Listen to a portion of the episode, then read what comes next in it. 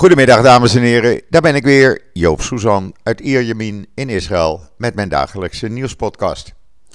Ja, eerst even het weer. Ja, er is weinig over te zeggen. Blauwe lucht, 27 graden en een briesje uit het noorden. En daar moeten we het dan mee doen. Ja, s'nachts wordt het toch wel een graadje koeler, want het was vanmorgen 18 graden. En uh, ja, dat merk je dus. Maar goed, uh, voor de rest, u hoort mij niet klagen. Ja, en dan gisteravond uh, Ajax PSV live hier natuurlijk in Israël.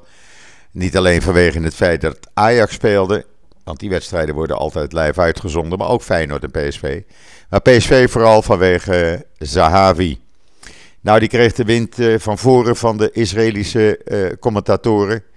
Want uh, ja, hij had een off-day, vonden ze. En hij kan heel wat leren van het totaalvoetbal van Ajax. En Ajax geeft de wereld voetballes. Nou, ze konden hun euforie niet kwijt. Maar het was ook leuk om te zien. En daarvoor was uh, Vitesse Go Ahead Eagles. Ja, uh, het kon niet op gisteren. En dan gisteravond nog eens een keer Max Verstappen. Nou, wat moet een mens nog meer, zou ik haar zeggen. Geweldig allemaal. Ik heb er in ieder geval van genoten en ik hoop jullie ook. Eh, als je voetbal- en autoliefhebber bent. Maar het is leuk dat je dus eh, 4000 kilometer van Amsterdam zit en gewoon live dit allemaal mee kan maken. Dat vind ik allemaal geweldig. Het valt me alleen elke keer weer op de laatste tijd dat ja, in Nederland schijnt geen corona meer te zijn. Want ik zag 52.000 mensen in de arena zitten eh, en niemand had een mondkapje op. Dus ja, uh, dan uh, is de corona zeker weg in Nederland. Over corona gesproken, hier uh, in Israël hadden we op zondag in de afgelopen 24 uur 810 nieuwe besmettingen. En we hebben nog slechts 11.000, ruim 11.000 viruspatiënten in het hele land. Het ministerie van Volksgezondheid zei erbij dat 78,2% van de COVID-19-patiënten in de ziekenhuizen niet is gevaccineerd. En 65% van de dagelijkse COVID-19-patiënten die erbij komen, is jonger dan 30 jaar. Het zijn vooral uh, zeg maar tussen de, uh, of tot de leeftijd van uh, 16, 17 jaar. er werden gisteren bijna 86.000 mensen getest. Ja, dat zijn er hier elke dag schommelt dat zo rond de 100.000. Behalve op zaterdag natuurlijk. En uh, het bleek dat 1,01% dus positief testen. En dan kwam je dus op die uh, 810 uit. Er liggen nog 401 uh, patiënten lagen er uh, om middernacht nog in het ziekenhuis. Dat zijn er 32 minder dan de dag ervoor. 279 zijn ernstig ziek en 168 kritiek. 150 van hen aangesloten op beademingsapparatuur. Uh, er zijn drie mensen overleden en het dodental staat nu op 8049. Inmiddels zijn er meer dan 3,9 miljoen mensen voor de derde keer gevaccineerd. Dus dat gaat uh, hartstikke goed. Ja, dan zeggen ze wel eens: uh, regeren is vooruitzien. Nou, de Israëlische regering maakt dat ook waar. Want die komen met een economisch en medisch vangnet voor een bedrag van 3,8 miljard, 3,8 miljard euro om toekomstige COVID-19 golven op te vangen. Dus mocht er weer een virusgolf komen, dan is daar geld voor gereserveerd. Ze blijven niet afwachten. Uh, maar uh, ja, ze willen dus echt voorbereid zijn op uh, de eventualiteit dat we over een aantal maanden weer een nieuwe golf krijgen. Ja, je weet het maar niet. En Israël loopt tenslotte voor op de rest van de wereld. Wat hier gebeurt, komt altijd overal elders een beetje later.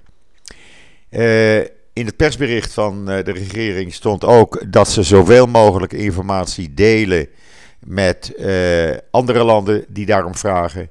Alles is beschikbaar. Iedereen kan het inzien en je hoeft dan als land geen eigen onderzoek te gaan doen. Ik uh, ben benieuwd of Nederland uh, daar ook uh, gebruik van maakt. En dan ja, er is een relletje in Israël ontstaan nadat op social media een foto kwam van een grafsteen van een vrouw die ruim een maand geleden is overleden. Uh, want een grafsteen komt altijd na 30 dagen op een graf. En op die grafsteen staat dat die vrouw vermoord is door het ziekenhuis. En dat zou dan het uh, Rabin Medical Center Belisson Campus in Peter moeten zijn geweest. Waar die vrouw was opgenomen. Uh, met uh, hartklachten en allerlei andere ziektes. En op een gegeven ogenblik ook bleek corona te hebben en uiteindelijk is overleden. Ja, het ziekenhuis heeft aangekondigd: dit pikken we niet. We gaan hier uh, aangifte van doen en deze tekst, deze grafsteen moet weg. En uh, wij, wij gaan dat eisen bij de rechter. Um, dan, ja, de hoteliers in Israël zijn ze nu blij dat op 1 november de grenzen open gaan voor gevaccineerde toeristen. Nou, zeggen ze allemaal eensgezind. Het zal weinig veranderen, want het gaat alleen om mensen die uh, niet langer dan zes maanden geleden zijn gevaccineerd. We weten niet wat er met kinderen uh, gebeurt. Mogen die wel het land in? Moeten die in quarantaine? Mogen ze niet het land in? Dat moet de komende dagen nog allemaal duidelijk worden. Maar men heeft geen hoge verwachtingen dat de hotelbezetting opeens met tientallen procenten omhoog zal gaan. Uh, ja, het is uh, afwachten wat er gebeurt. Ik weet dat veel mensen naar Israël willen komen. Maar ik weet ook dat een heleboel mensen zeggen: ja, luister, ik ben acht maanden geleden gevaccineerd. Dan kom ik er niet in. Ja, ik weet niet, de regels, de, de, de absolute regels worden later in deze week bekendgemaakt. Het kan vandaag al zijn, morgen, woensdag. Want het is natuurlijk volgende week maandag 1 november. En dan weten we precies wat wel en niet kan. Ik zal dat ook publiceren in israelnieuws.nl en op social media, zodat u dat ook weet. En dan heeft de Israëlische regering een 100-stappenplan goedgekeurd voor de bestrijding van de klimaatcrisis en daar 4 miljard euro, oftewel 15 miljard shekel, voor beschikbaar gesteld. Eindelijk gaan we hier iets aan doen. Uh, kolen stoken, dat moet afgelopen zijn. Uh, zoveel mogelijk overschakelen op uh, zonne-energie, windenergie, elektrisch openbaar vervoer. Fietsinfrastructuur wordt eindelijk aangelegd, want ja, dat kan je nu eigenlijk niet zeggen dat het er is. Uh, Energie-efficiëntie uh, willen ze bij bedrijven. Nou, het is een heel verhaal. U kunt het lezen op israelnieuws.nl. Maar eigenlijk, eindelijk, eindelijk gaat er wat gebeuren. Men deed dat hier altijd een beetje lacherig af. Maar deze nieuwe regering, uh, die maakt daar toch serieus werk van. En dat is een goede zaak, vind ik zelf. Uh, wat ook een goede zaak is, is dat uh, een aantal Israëlische farmaceutische bedrijven een uh, organisatie hebben gelanceerd onder de naam Top Pharma. En de bedoeling is om zoveel mogelijk met gebruik van artificial intelligence, of kunstmatige intelligentie, en computationele wetenschap therapeutische uitdagingen op te lossen en nieuwe medicijnen te ontwikkelen. Uh, het zijn echte wereldleiders op uh, medicijngebied, farmacie. AstraZeneca, Merck, Pfizer, Teva, Amazon zitten bij betrokken en het Israel Biotech Fund. Eh, goede zaak lijkt mij, want ja, de ontwikkelingen gaan snel. En als je dan de handen in elkaar slaat, dan eh, loop je in ieder geval voorop. En dan is er ook in Israël een mogelijke doorbraak in de immunotherapie uh, door een nieuwe kankerstudie, kankerstudie die we hebben gemaakt. En het blijkt nu dat ze kanker-hotspots weten te vinden. Uh, en daar hebben ze een nieuwe methode voor ontwikkeld. En ja, dat kan dus helpen om het immuunsysteem tegen kankercellen te versterken. ook weer een heel lang verhaal waar ik u niet mee ga vervelen. U kunt het lezen op israelnieuws.nl. Daarvoor hebben we het neergezet. En dan ziet u hoe dat werkt. En dan, ja, er is een beetje bonje. Nou, bonje wil ik niet zeggen, maar laten we zeggen wat strubbelingen in de regering. Omdat de linkse partijen, Meretz en uh, Labour, zeggen: hé, hey, uh, er is gisteren aangekondigd 1350 woningen in nederzettingen op de Westbank. En 1300 woningen voor Palestijnen in Area C. Maar daar zijn wij helemaal niet bij betrokken geweest. En wij zijn niet zo voor de bouw van woningen in nederzettingen. Maar ja, die mensen moeten ook wonen natuurlijk. Die krijgen kinderen, die gaan ook, eh, worden ook volwassen, gaan ook trouwen. Willen graag in die uh, uh, omgeving blijven wonen. Ja, dan moet je wat natuurlijk. En ja, ze zijn er een beetje kwaad om. En ja, de kranten maken daar een hele ophef van. Want die zeggen, ja, oh, binnen drie weken moet het budget zijn goedgekeurd. En als er dan ruzie is, tussen de coalitieleden, dan eh, wordt dat budget niet goedgekeurd, valt de regering uit elkaar. Nou, zover zal het niet komen. Eh, want wat eh, al deze partijen bindt, en nog steeds bindt, eh, is het feit dat ze samenwerken en samen kunnen werken, omdat ze gezamenlijk dan Netanyahu aan de zijlijn kunnen houden.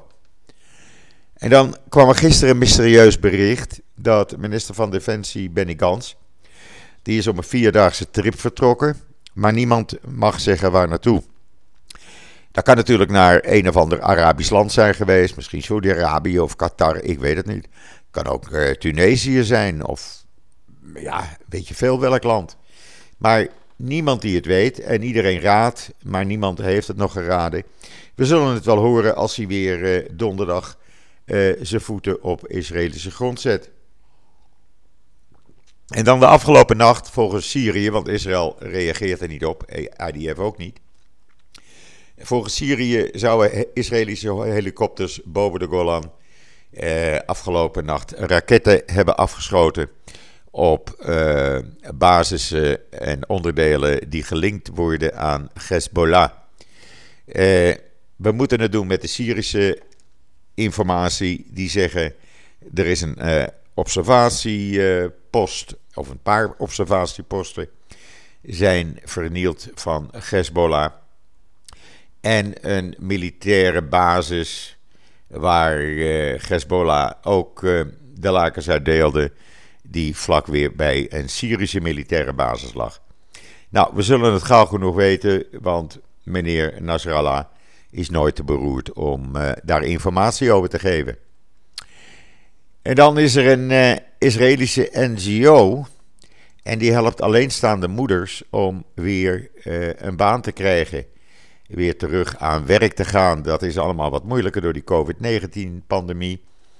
Uh, maar ja, die NGO die, die helpt dus gewoon om deze mensen weer een goede baan te kunnen aanbieden. Ze geven ook cursussen, ze geven opleidingen. Mensen worden klaargestoomd om weer de arbeidsmarkt te betreden. Dat is natuurlijk hartstikke goed. Het bedrijf uh, heet uh, It Works, het werkt. En ja, ik vind het een goed initiatief en het zou vaker moeten gebeuren. En dan gaan een vertegenwoordiger van de Binnenlandse Veiligheidsdienst, Shimbet, en het vertegenwoordiger van het ministerie van Buitenlandse Zaken. Die gaan naar Amerika, of zijn al onderweg naar Amerika, met bewijs over die zes zogenaamde humanitaire NGO's, die Palestijnse NGO's, die hier nu als terreurorganisatie zijn aangemerkt. En zij hebben daar bewijs. Ze zeggen we hebben dat al eerder aan Amerika laten zien, maar dat schijnt niet doorgekomen te zijn. Nu gaan twee mensen het persoonlijk overhandigen en uitleggen. En dan is Amerika ook weer tevreden. Nou, dat zouden ze dan ook bij de EU moeten doen. En bij Nederland. Want EU, Nederland, Noorwegen, dat zijn toch uh, landen die niet te beroerd zijn om uh, uh, ja, laten we zeggen, enkele tientallen miljoenen per jaar aan deze zogenaamde humanitaire NGO's te geven. En dat komt dan weer bij eh, de terreurorganisatie terug, zodat die daar weer terreuraanslagen van kan eh, uitvoeren, eh, gevangenen kan betalen, nabestaanden van zogenaamde martelaren kan betalen, een salaris en nieuwe terreurwapens kunnen kopen. En dan heeft Israël een uh, bedrag van 30 miljard shekel. Dat is pak een beet uh, een, kleine 2,5 uh, miljoen euro, miljard euro beschikbaar gesteld om uh, ja, zeg maar de verwaarlozing van de Arabische gemeenschappen, om dat te verkleinen, de kloof tussen Joodse en Arabische gemeenschappen. En dat bedrag wordt geïnvesteerd in onderwijs, transport, infrastructuur, sociaal welzijn en connectiviteit. Het wordt eens een keer tijd. Eh, als je in een Arabische plaats komt, dan zie je ook vaak dat het vuil is, dat er geen trottoirs zijn, uh, gaten in de wegen. Uh, ja, dat moet een keer aangepakt worden. En het is goed dat er nu een paar miljard beschikbaar is gesteld om dat te gaan doen hoop ik wel dat die Arabische gemeenschappen dat geld ook daaraan gaan besteden. En dan het busstation in Tel Aviv. Iedereen die wel eens in Israël is geweest, zag ik aan de reacties al op Twitter. Uh, kent dat? Dat is dat uh, zeven etages hoge busstation waar de bussen op het dak staan. Het centrale busstation in Zuid-Tel Aviv. Uh, binnen, ja, het zou een shoppingmall moeten zijn, maar drugsverslaafden, het stinkt, het is vies, het is donker. En dat zou over twee jaar dichtgaan. Maar de rechtbank heeft gezegd: sorry, 5 december moet het gesloten zijn en niet later. Het is brandgevaarlijk. Niemand die er iets aan doet. De tent gaat dicht. En de bussen die verdwijnen daar. Dat betekent dat zo'n 130 bedrijfjes eruit moeten. En de bussen die gaan naar uh, een groot terrein bij het Panorama Hotel aan de boulevard van, uh, van Tel Aviv. Dat is achteraan tegen Jaffo. En daar vandaan gaan dus de, de bussen in vervolg naar allerlei plaatsen in Israël vertrekken. Ja, het is een stukje nostalgie, maar het wordt tijd dat het weggaat. En dan Autoongelukken. We zitten al over de 300 doden dit jaar tot nu toe. 301 met degene die vanmorgen is omgekomen tijdens het verwisselen van een band op snelweg 4. 301 mensen zijn er uh, gedood. Het hoogste aantal sinds 2017 in uh, 9 maanden. En dat, daar moet iets aan gedaan worden. Dat kan gewoon niet zo doorgaan. Elke dag vallen er een paar doden in het verkeer. En ja, ik weet het. Uh, autorijden in Israël is niet hetzelfde. Kan je ook niet vergelijken als autorijden in uh, Europa of Nederland. Mensen, ja, we zitten toch in het Midden-Oosten. Uh, dat rijdt al heel anders. Men, de optie van een richtingaanwijzer, ja, dat is te duur voor de meesten. Dus die bestellen ze maar niet als ze een auto kopen. Richting wordt dus nooit aangegeven. Richting wordt aangegeven door mensen die uit Europa of Amerika komen. Dat zie je heel duidelijk. Uh, men houdt zich niet aan snelheid. Men is bezig met tekstmessages, met telefoongesprekken.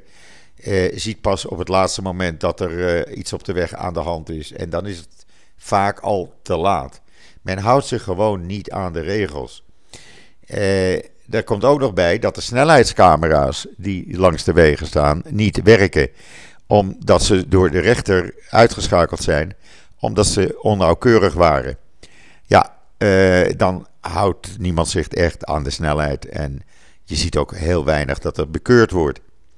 En uh, de Knesset gaat dus nu uh, in een comité, commissie daarover vergaderen. Want er moet echt wat gebeuren. ik merk het elke dag als ik in de auto stap. Je moet echt opletten om ver voor je uitkijken. En niet met andere dingen bezig zijn. Maar voor de rest, ach, als je er eenmaal aan gewend bent, dan, uh, dan werkt het prima. Maar de meeste mensen die onderweg zijn, ja, zijn met andere dingen bezig, kijken niet in de spiegel uh, en, en doen maar wat ze op dat moment denken te moeten doen. Ik had het vanmorgen toevallig. Ik was even naar het bedrijfsterrein, ik moest daar wat doen. Ik kom uh, terug, sta voor een stoplicht. Er staat een vrachtwagen rechts naast me. Uh, we trekken op en de vrachtwagen die krijgt opeens het idee: weet je wat, ik ga hier links afslaan. En ja, dan moet je even goed toeteren. Vandaar dat er hier altijd getoeterd wordt. En toen dacht hij: oh, er zit een auto naast me. Ja, daar had ik even niet op gelet. Nee, er staan uh, hele rij auto's naast die vrachtwagen, maar daar had hij helemaal geen erg in. Dus ja, uh, opletten is het uh, devies en dat doen we dan ook. Dit gezegd hebbende brengt mij dat alweer tot het einde van deze podcast, want ik zit alweer meer dan 20 minuten tegen u te praten. De tijd die vliegt hoor. Uh, rest mij u nog een hele fijne voortzetting van deze maandag, de 25 oktober, toe te wensen. Ik ben er morgen weer en zeg zoals altijd: tot ziens, tot morgen.